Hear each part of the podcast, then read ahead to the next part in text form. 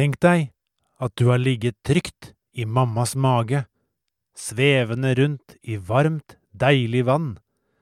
Du har vokst deg stor og er klar for å møte verden. Men så presses du ut gjennom en trang passasje. Det er slett ikke behagelig. Det er vondt. Endelig ute har din lille hjerne et håp om at det igjen blir hygge og kos. Ja, det har du jo fortjent. Plutselig tas du vekk fra mammas deilige favn og bades i en kald og stinkende rød væske. Hva er dette? Sjokket og ubehaget får deg til å skrike ditt høyeste babyvræl. Lyden ljomer gjennom rommet. Menneskene rundt deg nikker og smiler fornøyd. Velkommen til Sparta!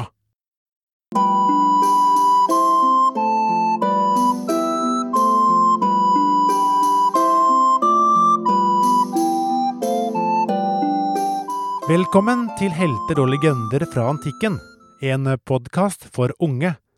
Episode 9 Krigerbystaten Sparta. I denne episoden skal vi finne ut hvordan livet var i bystaten Sparta, og du skal høre om hvordan grekerne førte krig på slagmarken. Sparta var i mange år Atens argeste rival og fiende. De to bystatene lå ikke så langt fra hverandre, men de var temmelig forskjellige. I Aten var folk opptatt av filosofi, vitenskap, teater, kunst og hvordan en by best skal styres.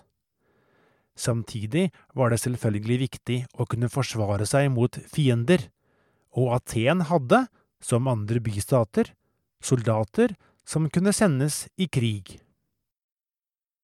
Men i Sparta var det å ha gode soldater ikke bare viktig, det var ekstremt viktig.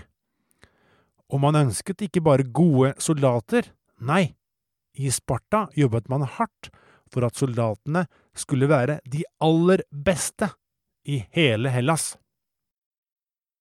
Dette førte til at i Sparta dreide det aller meste seg om militære spørsmål.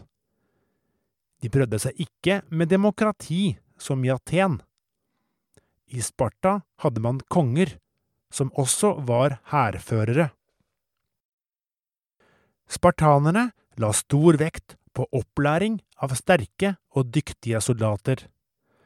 Allerede ved livets begynnelse startet utvelgelsen av de som skulle trenes opp. Nyfødte guttebarn ble badet i vin for å finne ut om de var sterke og hardføre. Babyene ble styrket av denne behandlingen, trodde spartanere.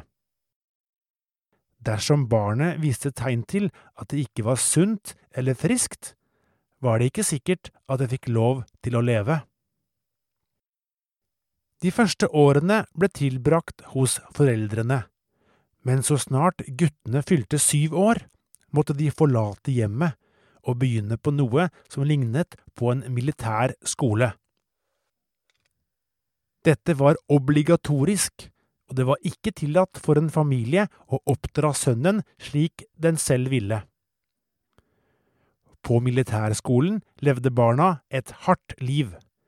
Det var mye trening, slik at de skulle bli sterke og tåle mange prøvelser. Maten var neppe mye å skryte av. Spartanerne var kjent for å lage en svart suppe kokt på blod. Lærerne var veldig strenge, og barna kunne bli pisket av eldre gutter hvis de ikke fulgte ordre. Noen ganger fikk de ikke nok mat heller, noe som tvang dem til å stjele mat fra andre. Også for dette kunne de bli hardt straffet. Guttene tilbrakte i det hele tatt veldig mye tid sammen, og var i nær kontakt med voksne menn som var lærere og instruktører. Det oppsto tette vennskapsbånd som av og til ble kjæresteforhold. Det at gutter og menn var kjærester med andre gutter og menn, var helt normalt i Sparta. I ungdomsårene fikk elevene trening i bruk av våpen som spyd, sverd og kniv. De fikk nok litt lese- og skrivetrening også, men eh, antagelig ikke mye. Også jenter fikk trening slik at de skulle bli sterke i kroppen og føde mange barn når de ble voksne. Treningen for jentene omfattet blant annet løping, bryting og spydkast. Når guttene var gamle nok, ble de tatt opp som fullverdige soldater i Spartas hær. Militærtjenesten varte i mange år, og en soldat måtte være villig til å ofre livet i krig. Det ble sagt at spartanske mødre stilte følgende krav til sin sønn når han skulle ut i kamp. Kom hjem med skjoldet, eller på det! Å komme hjem på skjoldet var ærefullt, men det betydde at man var død og måtte bæres hjem av de andre. Det minst ærefulle var å kaste fra seg eller miste skjoldet. En soldat som kom hjem etter noe slikt, ville bli møtt med spott. Men eh, mødrene ønsket nok helst at soldaten kom hjem like hel som da han dro, og med skjoldet på armen. Spartanerne var sikkert beintøffe, men de foretrakk nok liv framfor død, de som alle andre. I mange år var Spartas hær så sterk at den var uovervinnelig. Blant annet var det en lang periode hvor Sparta og Aten lå i krig, og Sparta vant igjen og igjen. Krigen ble kalt Peloponneskrigen og endte med at Aten til slutt overga seg til Sparta.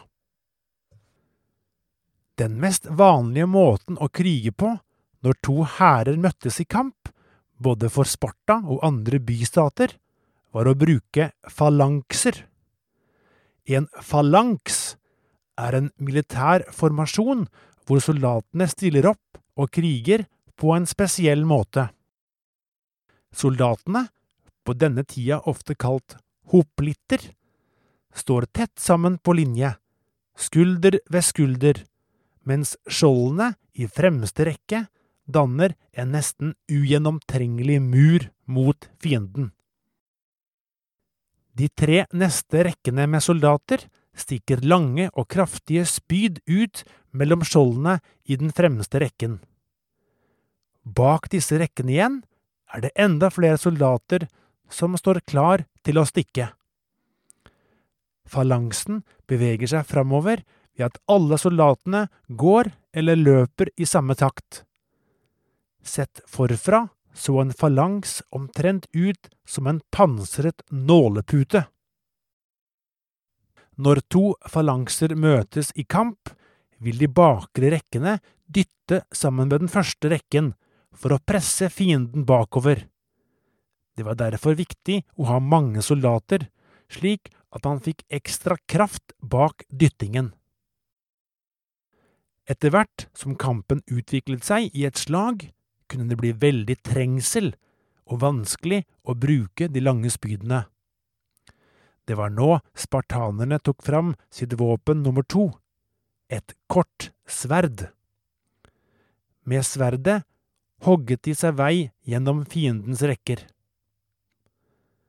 Men motstanderen kunne nok bite fra seg.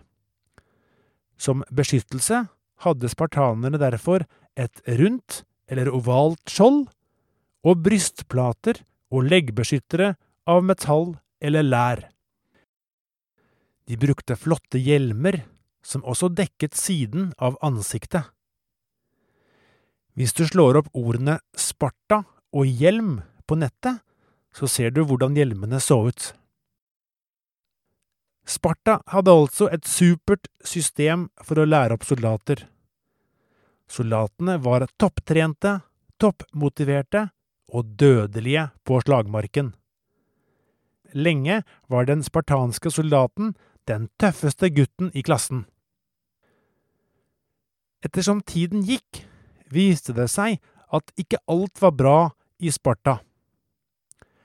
Et problem som ble alvorligere og alvorligere, var at det ble født for få barn, slik at befolkningen sank. Og dermed ble tilgangen på soldater redusert, og hæren ble mindre. Skal du vinne mange kriger, er det bra å ha beinharde soldater, men du må ha flere av dem enn bare noen få. Likevel, Spartas soldater var lenge så fryktet og respektert at de trygt kan kalles legendariske. De er kjent for mange heltedåder. Sparta har også gitt opphav til uttrykket spartansk, som betyr at noe er veldig enkelt, ikke spesielt komfortabelt og uten luksus av noe slag. Akkurat som i det gamle Sparta. Et spartansk rom er et rom med få møbler og uten pynt. Veldig få norske rom kan i dag kalles spartanske. Men det var en avsporing. Det er de tøffe spartanske soldatene vi skal høre mer om. Noen av de mest kjente historiene om dem har vi fra kriger mot fiender utenfra, fiender som ikke var greske. Bystaten i Hellas var ikke alltid perlevenner, det har vi slått fast allerede.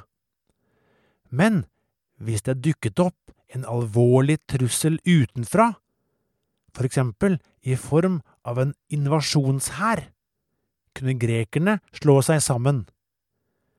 Og hvilket rike kunne finne på å sende en slik enorm hær mot de greske bystatene på denne tiden, altså ca 500 år før Kristus? Det skal vi finne ut mer om om et par episoder.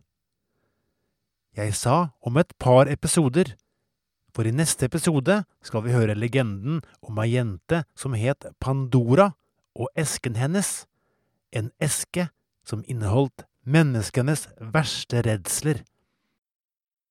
Så følg med på podkasten om helter og legender i antikken. Mitt navn er Bjørnar Dahl Hotvedt. Hvis det er noe du lurer på når det gjelder podkasten og temaene jeg snakker om, kan jeg nå oss på Facebook-siden Helter og legender fra antikken, en podkast for unge. Ha det godt!